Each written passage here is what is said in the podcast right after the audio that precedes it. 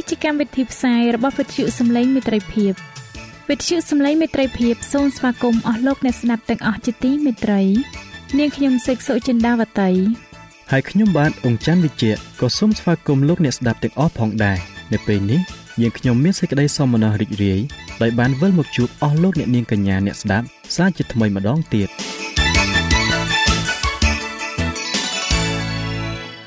នាងខ្ញុំសេកសុចិន្តាវតី សូមជម្រាបជូនកម្មវិធីផ្សាយដែលមានជាបន្តបន្ទាប់ដូចតទៅនេតិជួបជាមួយព្រះបន្ទូលនេតិស្ពានជីវិត ចា៎លោកអ្នកស្ដាប់ជាទីមេត្រី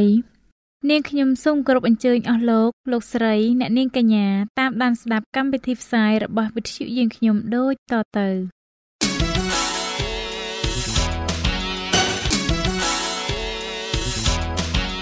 នេតិ ជួបជាមួយព្រះបន្ទូល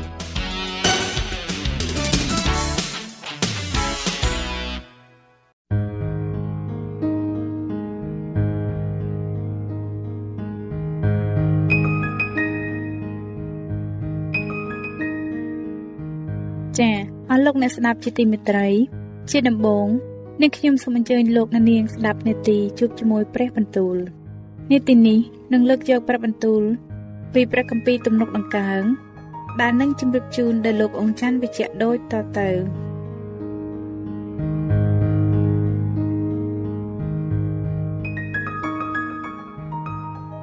ព្រះគម្ពីរទំនុកដង្កើងចំពុកទី79អោព្រះអង្គអើយពួកសាសដតីបានចូលរុករៀនក្នុងមរតកទ្រង់ហើយ គេបានបង្អាប់ព្រះវិហារបរិសុទ្ធនៃទ្រង់ហើយបានបំផ្លាញក្រុងយេរូសាឡឹម ឲ្យទៅជាគំនរថ្ម គេបានប្រគល់ខ្មោចនៃពួកអ្នកបម្រើទ្រង់ទុកជាអាហារដល់សត្វហើរលើអាកាស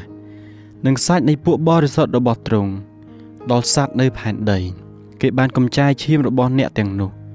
ដូចជាទឹកនៅជុំវិញក្រុងយេរូសាឡឹមឥតមានអ្នកណាកប់ខ្មោចឡើយយើងខ្ញុំបានត្រឡប់ជាទីដៀលថ្មេះដល់ពួកអ្នកចិត្តខាង ហើយជាទីស្អប់ខ្ពើម និងជាទីសើចលក់លើយ ដល់ពួកអស់អ្នកដែលនៅជុំវិញផងអោព្រះយេហូវ៉ាអើយតើដល់កាលណាទៀតតើទ្រង់នឹងមានសេចក្តីខ្ញាល់ជានិច្ចឬអីតើសេចក្តីប្រច័ណ្ឌនៃទ្រង់នឹងឆេះដូចជាភ្លើងឬសូមចាក់សេចក្តីក្រោធរបស់ទ្រង់ទៅលើសាសដតីដែលមិនស្គាល់ទ្រង់ហើយលើអស់ទាំងនគរដែលមិនអំពាវនាវដល់ព្រះនាមទ្រង់វិញត្បិតគេ បានស៊ីបង្ហាញពួកយ៉ាកុបព្រមទាំងបំផ្លាញទីលំនៅរបស់គេហើយ សូមគំនឹកចាំពីការទុច្ចរិតដែលយើងខ្ញុំធ្វើពីដើមឡើយសូមឲ្យសេចក្តីសប្បុរសទ្រង់មកប្រោះយើងខ្ញុំជាប្រញាប់វិញត្បិតយើងខ្ញុំ បានត្រឡប់ជាទៀបថោកណាស់អោព្រះដ៏ជួយសង្គ្រោះយើងខ្ញុំអើយសូមជួយយើងខ្ញុំដោយយល់ដល់សេរីល្អនៃព្រះនាមទ្រង់សូមប្រោះឲ្យយើងខ្ញុំរួចហើយអត់ទោសអំពើបាបរបស់យើងខ្ញុំផង ដោយយល់ដល់ព្រះនាមទ្រង់ តើគួរគប់បុយឲ្យពួកសាសដតីប្រមាថសួរថាព្រះរបស់គេនៅឯណាឬអីសូមឲ្យការសងសឹកចំពោះឈាមនៃពួកអ្នកបម្រើទ្រង់ដែលត្រូវកំចាយនោះ បានស្គាល់ច្បាស់នៅកណ្ដាលពួកសាសដតីឲ្យយើងខ្ញុំបានឃើញផង សូមឲ្យដំងោរបស់ពួកឆ្លើយ បានលឺមកដល់ទ្រង់ហើយដោយព្រះហស្ថដ៏មានព្រះជាស្ដារបស់ទ្រង់នោះសូមជួយទំនុកបំរុងដល់អស់អ្នកដែលបានតម្រូវឲ្យត្រូវស្លាប់ផង អោព្រះអង្គម្ចាស់អើយ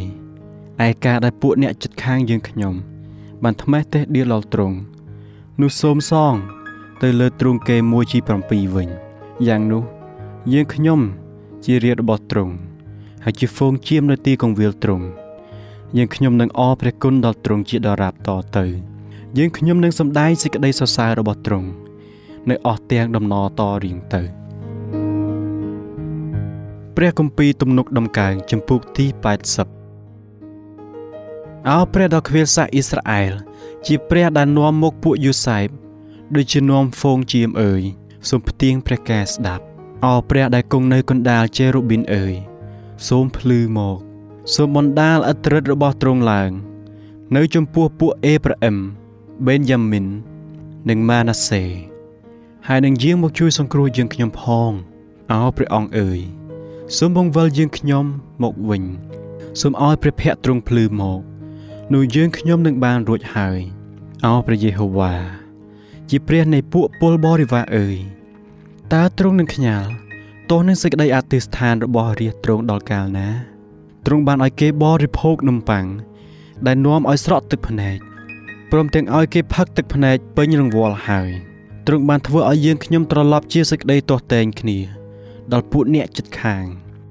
ពួកខ្មាំងសត្រូវរបស់យើងខ្ញុំក៏សើចឡកក្នុងពួកគេអោព្រះនៃពួកពលបរិវារអើយសូមបង្វិលយើងខ្ញុំមកវិញសូមឲ្យព្រះភ័ក្ត្រទ្រង់ភ្លឺមកនោះយើងខ្ញុំនឹងបានរួចហើយ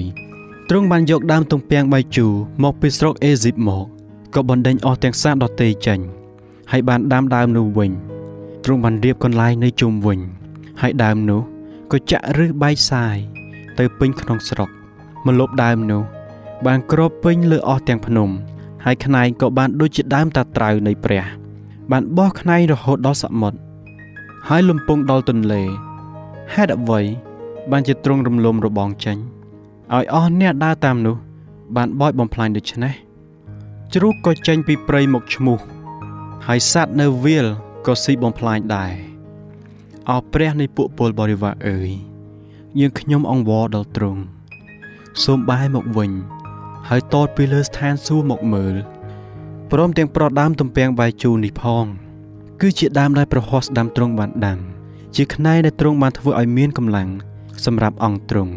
ដើមនេះត្រូវភ្លើងឆេះហើយត្រូវកាប់ចេញ គេត្រូវវិនិច្ឆ័យដោយព្រះភ័ក្ត្រទ្រង់តូតបន្ទោសសូមឲ្យព្រះហស្ថទ្រង់ថែរក្សាដល់អ្នកដែលព្រះហស្ថស្ដាំទ្រង់បានតាំងឡើងគឺជាកូនមនុស្ស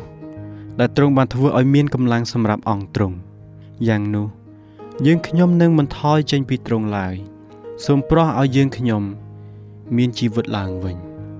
នោះយើងខ្ញុំនឹងអំពាវនាវដល់ព្រះនាមទ្រង់អោព្រះយេហូវ៉ាជាព្រះនៃពួកពលបរិវារអើយសូមបង្វិលយើងខ្ញុំមកវិញសូមឲ្យព្រះភ័ក្ត្រទ្រង់ភ្លឺមក នោះយើងខ្ញុំនឹងបានរួចហើយ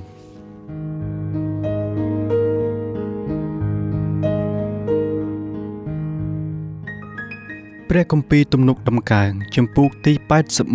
81ចូលបន្លឺសំឡេងឡើងច្រៀងថ្វាយព្រះដ៏ជាកម្លាំងនៃយើងខ្ញុំ ចូលបញ្ចេញសំឡេងអំណរថ្វាយព្រះនៃយ៉ាកុបចោះចូលច្រៀងទំនុក ហើយវាយក្រាបចោះព្រមទាំងចាប់សុងដ៏ពិរោះនិងដេញពិនផង ចូលផ្លុំត្រែក្នុងថ្ងៃដើមខែ ថ្ងៃពេញបោនិងថ្ងៃបុណ្យរបស់យើងខ្ញុំផងត្បិតនោះហើយ ជាច្បាប់សម្រាប់សាសអ៊ីស្រាអែលគឺជាបញ្ញារបស់ព្រះនៃយ៉ាកុបទ្រង់តាំងច្បាប់នោះទុកជាទីបន្ទាល់នៅក្នុងពួកយូសែបក្នុងការដែលទ្រង់ចេញទៅទាស់នឹងស្រុកអេស៊ីបវេលាននោះ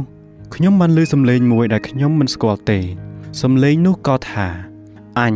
បានដាក់បន្ទុកចុះពីស្មាវា ហើយឲ្យដៃវារួចពីការកាន់កញ្ច្រែងនៅគ្រាដែលមានសេចក្តីវេទនានោះឯងបានអំពាវនាវហើយអញ បានជួយឯងឲ្យរួចអញបានតបដល់ឯងពីទីសម្ងាត់នៃផ្គរអញបានលបងលោឯងនៅត្រង់ទឹកមេរីបាអោរាអញអើយចូលស្ដាប់ចុះអញនឹងធ្វើបន្ទាល់ដល់ឯងអោអ៊ីស្រាអែលអើយនេះបើឯងនឹងព្រមស្ដាប់អញមិនត្រូវឲ្យមានព្រះដតីណានៅក្នុងពួកឯងឡើយក៏មិនត្រូវឲ្យឯងថ្វាយបង្គំដល់ព្រះនៃសាសដតីណាមួយដែរអញនេះ គឺព្រះយេហូវ៉ា ជាព្រះនៃឯងដែលបាននាំឯងឡើង ចេញពីស្រុកអេស៊ីបមកចូលឯងហាមាត់ឲ្យធំចោះនោះអញនឹងបំពេញឲ្យប៉ុន្តែរាជអញមិនបានស្ដាប់តាមអញឡើយ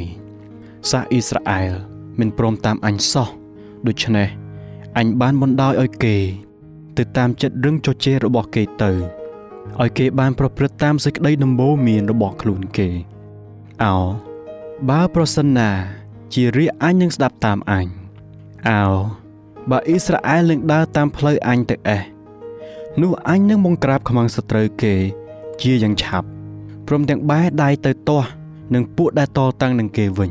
គួរឲ្យអស់អ្នកដែលស្អប់ដល់ព្រះយេហូវ៉ាបានចោះចូលចំពោះទ្រង់ប៉ុន្តែពេលវេលារបស់អ៊ីស្រាអែលនឹងស្ថិតស្ថេរនៃជាតិដរាបតទៅទ្រង់នឹងចិញ្ចឹមគេ ដោយស្រូវសាលីល្អបំផុត ហើយនឹងចំអែតគេ ដោយទឹកឃ្មុំពីថ្មដា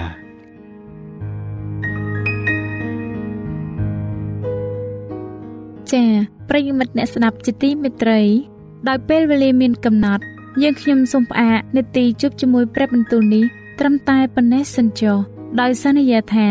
នឹងលើកយកនីតិនេះមកជម្រាបជូនជាបន្តទៀតនៅថ្ងៃច័ន្ទសប្តាហ៍ក្រោយ សូមអរគុណ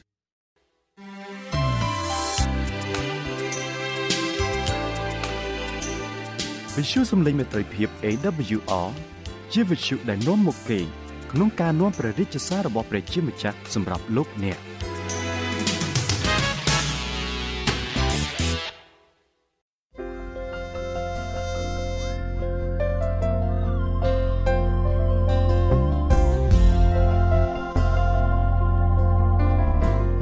ចា៎ជាបន្តទៅទៀតនាងខ្ញុំសូមគោរពអញ្ជើញអស់លោកអ្នកនាង តាមដានស្ដាប់នាទីស្ពានជីវិត ដែលនឹងជម្រាបជូនដល់លោកអង្គច័ន្ទវិជ្ជៈដូចតទៅ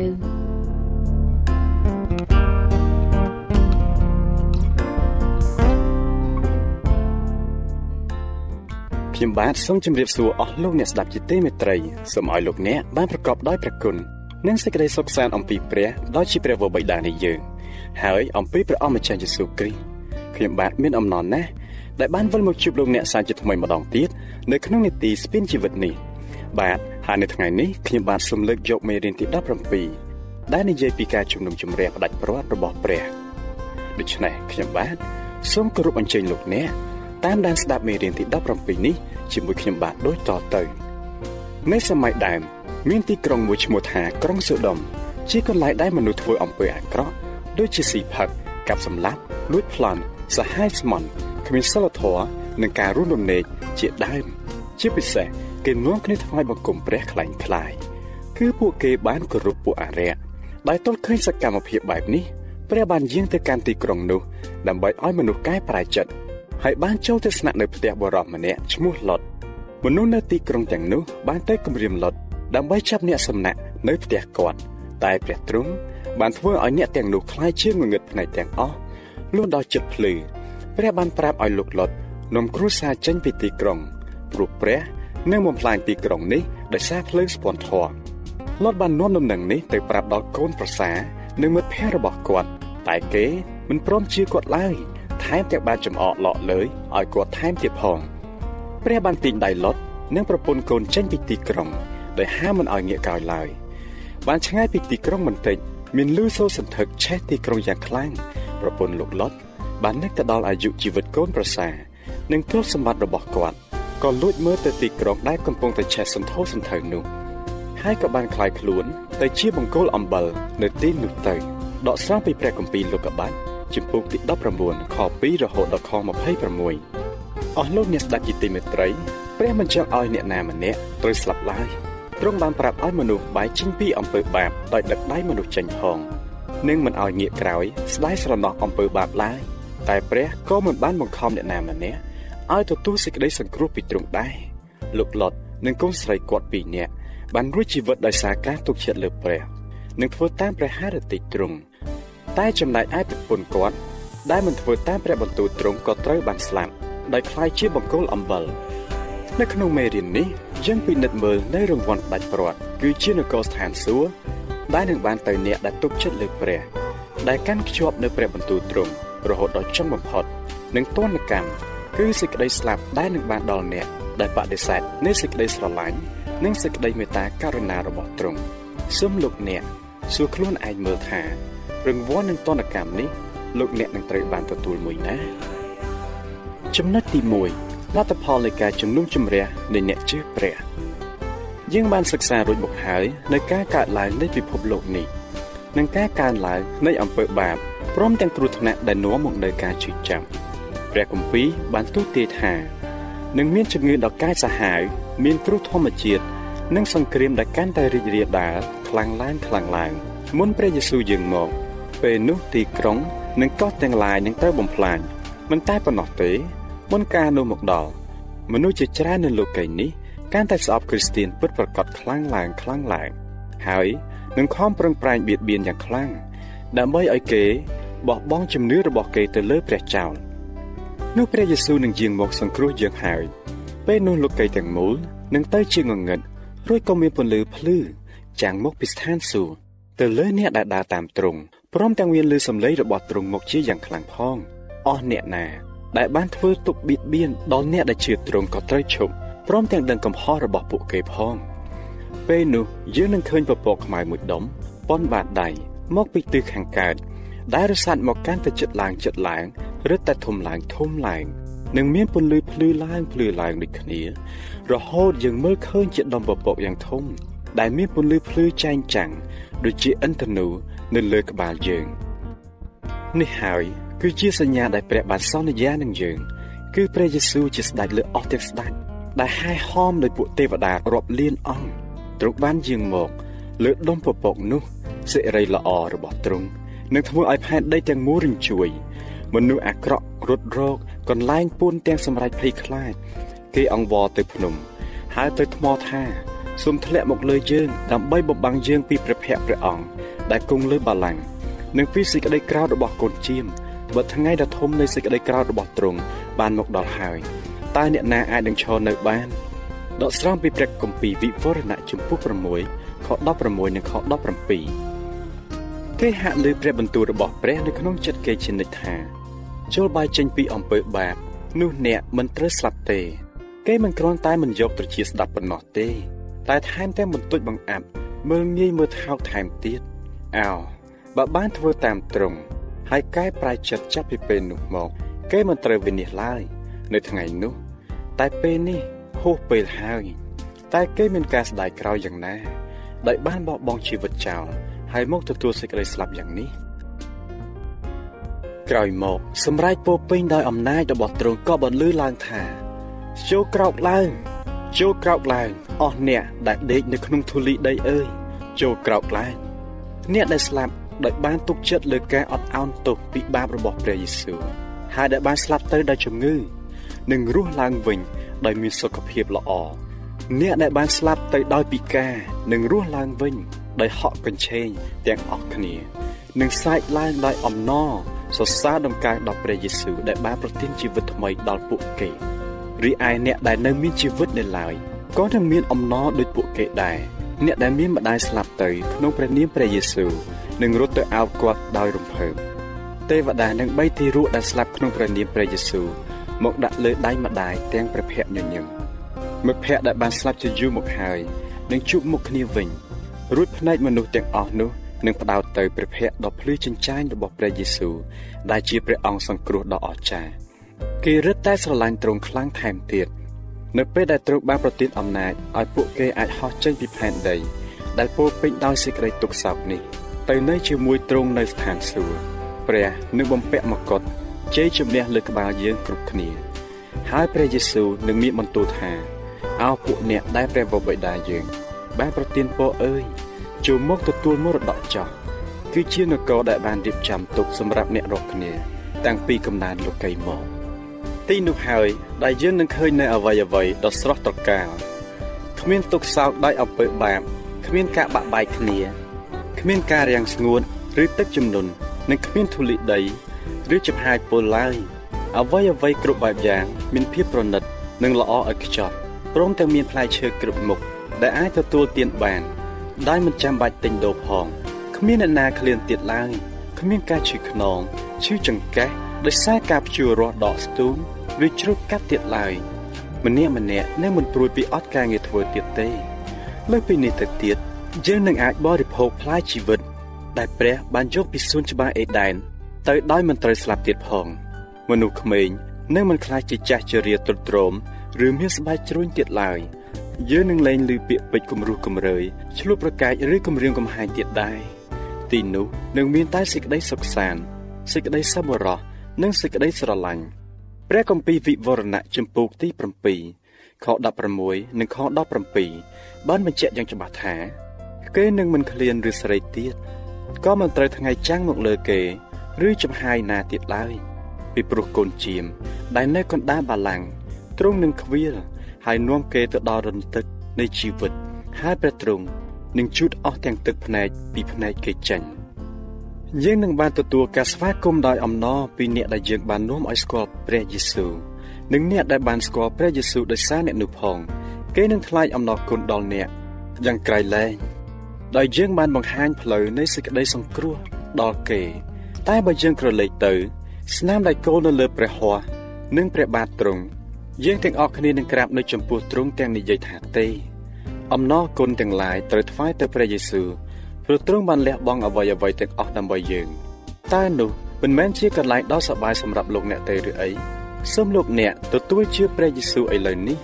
ដើម្បីកុំឲ្យបាត់បង់ស្ថានសួគ៌នោះឡើយចំណុចទី2ព្រះជំនុំជម្រះមនុស្សតាមកំណត់ត្រាក្នុងបញ្ជីជីវិតតើយើងទាំងអស់គ្នា មានអំណរយ៉ាងណា នៅពេលបានឃើញព្រះផ្ទាល់នឹងភ្នែកនៅនគរស្ថានសួគ៌នោះយើងនឹងឃើញព្រះបវបិតាព្រះរាជបុត្រា និងព្រះវិញ្ញាណបរិសុទ្ធនៅក្នុងសេរីល្អរបស់ទ្រង់ព្រមទាំងស្គាល់ទ្រង់កាន់តែច្បាស់ទៀតផងនៅនគរស្ថានសួគ៌យើងនឹងមានការងារមួយក្នុងកំឡុងពេល1000ឆ្នាំ យើងត្រូវចូលរួមពិនិត្យឡើងវិញនៅកំណត់ហេតុនៅក្នុងសិភៅបញ្ជីជីវិត នៅនគរស្ថានសួគ៌នោះដរាបដល់ព្រះដ៏មានប្រជញ្ញពីបុរាណបានយាងមក នោះការវិនិច្ឆ័យបានប្រកូលដល់ពួកបរិសុទ្ធរបស់ព្រះដ៏ខ្ពស់បំផុត ហើយកំណត់ក៏មកដល់តែពួកបរិសុទ្ធត្រូវបានរាជជារបស់ផងខ្លួនដកស្រង់ពីព្រះគម្ពីរដានីយ៉ែលជំពូកទី7ខ22យើងនឹងក្រឡេកមើលជុំវិញខ្លួនយើងដោយងឿងឆ្ងល់ព្រោះមានមិត្តភ័ក្តិយើងខ្លះដែលយើងស្គាល់ថាជាមនុស្សល្អមិនមានមុខនៅស្ថានសួគ៌តែព្រះទ្រង់នឹងប្រទានបញ្ជីជីវិតដែលបានកត់ត្រាដោយទេវតាមកឲ្យយើងមើល ពេលនោះយើងនឹងឃើញអំពើបាបរបស់មិត្តភ័ក្តិយើង បងប្អូនយើងខ្លះដែលធ្វើឲ្យគេឃ្លាតពីព្រះនិងការខំនាំគេមកឯទ្រង់វិញ តែត្រូវបានគេនៅតែបដិសេធក្រោយពីឃើញដូច្នោះមកនោះទៅយើងដឹងថាព្រះបានសម្រេចដោយយុត្តិធម៌ហើយនឹងត្រឹមត្រូវបំផុតក្នុងការនាំមនុស្សមកកាន់ស្ថានសួគ៌និងបន្សល់ទុកឲ្យនៅលើផែនដីនេះមិនត្រឹមតែអំពើបាបរបស់គេទេដែលត្រូវបានកត់ត្រាទុកតែទណ្ឌកម្មដែលគេត្រូវទទួលនៅជាមួយផងដែរ យើងមានការសោកស្ដាយទាំងយំសោកតែព្រះទ្រង់បានជួយទឹកភ្នែកចេញពីភ្នែកយើង ហើយយើងនឹងដឹងថាអ្វីដែលទ្រង់បានធ្វើនោះពិតជាត្រឹមត្រូវព្រះនឹងឲ្យយើងជំនុំជម្រះជាមួយទ្រង់នៅកំហុសរបស់មនុស្សទាំងឡាយព្រមទាំងសាតាំងនិងទេវតារបស់វាផងលោកអ្នកប្រហែលជានឹកឃើញសត្រូវរបស់លោកអ្នកដែលធ្លាប់បៀតបៀននិងធ្វើទុកដល់លោកអ្នកដោយសារតែលោកអ្នកជឿព្រះយេស៊ូវនៅស្ថានសួគ៌ លោកអ្នកប្រហែលជានឹងសួរទៅទេវតាថាតើហេតុអ្វី បានជាគាត់មកដល់ទីនេះដែរព្រោះគាត់ជាមនុស្សអាក្រក់ណាស់ហើយព្រះបានបង្រៀនថា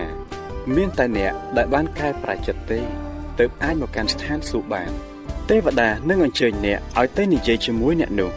ហើយអតីតសត្រូវរបស់លោកអ្នកនឹងកោតសរសើរអំពីសេចក្តីស្រឡាញ់និងការអត់ធ្មត់របស់លោកអ្នកដែលបាននាំគេឲ្យចេះបន្ទាបខ្លួន និងទទួលព្រះដាក់ទុកក្នុងចិត្តដើម្បីឲ្យទ្រង់អត់ទោស និងបំផ្លែបំប្រែចិត្តរហូតខ្លាយខ្លួនជាមនុស្សល្អហើយបានទទួលសេចក្តីសង្គ្រោះពីទ្រង់ដែរដូច្នេះពេលនោះ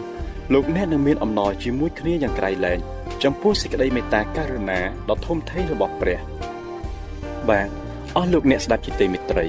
ពេលវេលានៃនីតិស្ពិនជីវិតរបស់យើងបានមកដល់ទីបញ្ចប់ហើយខ្ញុំបាទនឹងវិលមកជួបលោកអ្នកម្ដងទៀតនៅក្នុងនីតិរបស់យើងលើកក្រោយ ដោយនឹងនាំនៅភាគទី2 នៃមេរៀនដដែលនេះមកជូនលោកអ្នកស្ដាប់ជាបន្តទៀតបាទដូច្នេះសូមឲ្យព្រះជាម្ចាស់ប្រទានពរដល់អស់លោកអ្នកបងប្អូនទាំងអស់គ្នា សម្រាប់ពេលនេះខ្ញុំបាទអង្គច័ន្ទវិជ្ជាសូមអរគុណនិងសូមជម្រាបលាចា៎អស់លោកអ្នកស្ដាប់ជាទីមេត្រីដែលសារពេលវេលាមានកំណត់យើងខ្ញុំសូមផ្អាកនេតិស្ពីនជីវិតនេះត្រឹមតែប៉ុណ្្នឹងសិនចុះយើងខ្ញុំ នឹងលើកយកនេតិនេះមកជម្រាបជូនអស់លោកអ្នកជាបន្តទៅទៀតនៅថ្ងៃពុធសប្តាហ៍ក្រោយ ចាសសូមអរគុណ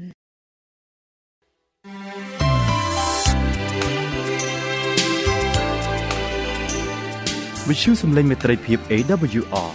មានផ្សាយពីរដងក្នុងមួយថ្ងៃគឺព្រឹកនៅម៉ោង6និងពេលយប់នៅម៉ោង8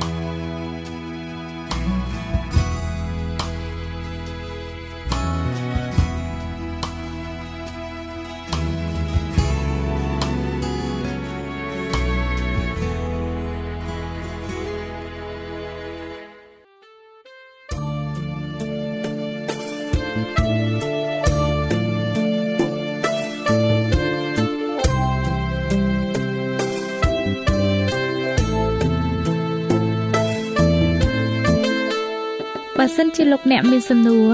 ឬសំណុំពរអ្វីសូមតាក់ទងមកការិយាល័យវិទ្យុយើងខ្ញុំ តាមអាស័យដ្ឋានផ្ទះលេខ15ផ្លូវលេខ568សង្កាត់បឹងកក់2ខណ្ឌទួលគោករាជធានីភ្នំពេញ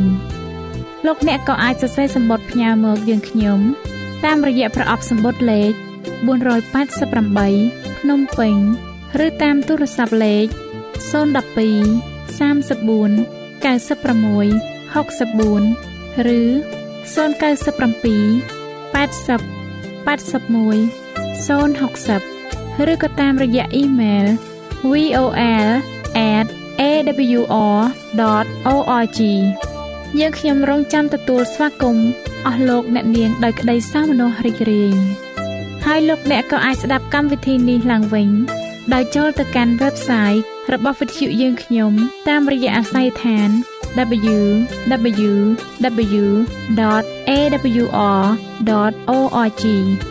លោកអ្នកនាងកញ្ញាជាទីមេត្រី កម្មវិធីផ្សាយរបស់វិទ្យុសំឡេងមេត្រីភាពនៅពេលនេះសូមបញ្ចប់តែប៉ុណ្ណេះយើងខ្ញុំសូមអរគុណចំពោះការតាមដានស្ដាប់របស់អស់លោកអ្នកតាំងពីដើមរហូតដល់ចប់យើងខ្ញុំសូមជូនពរ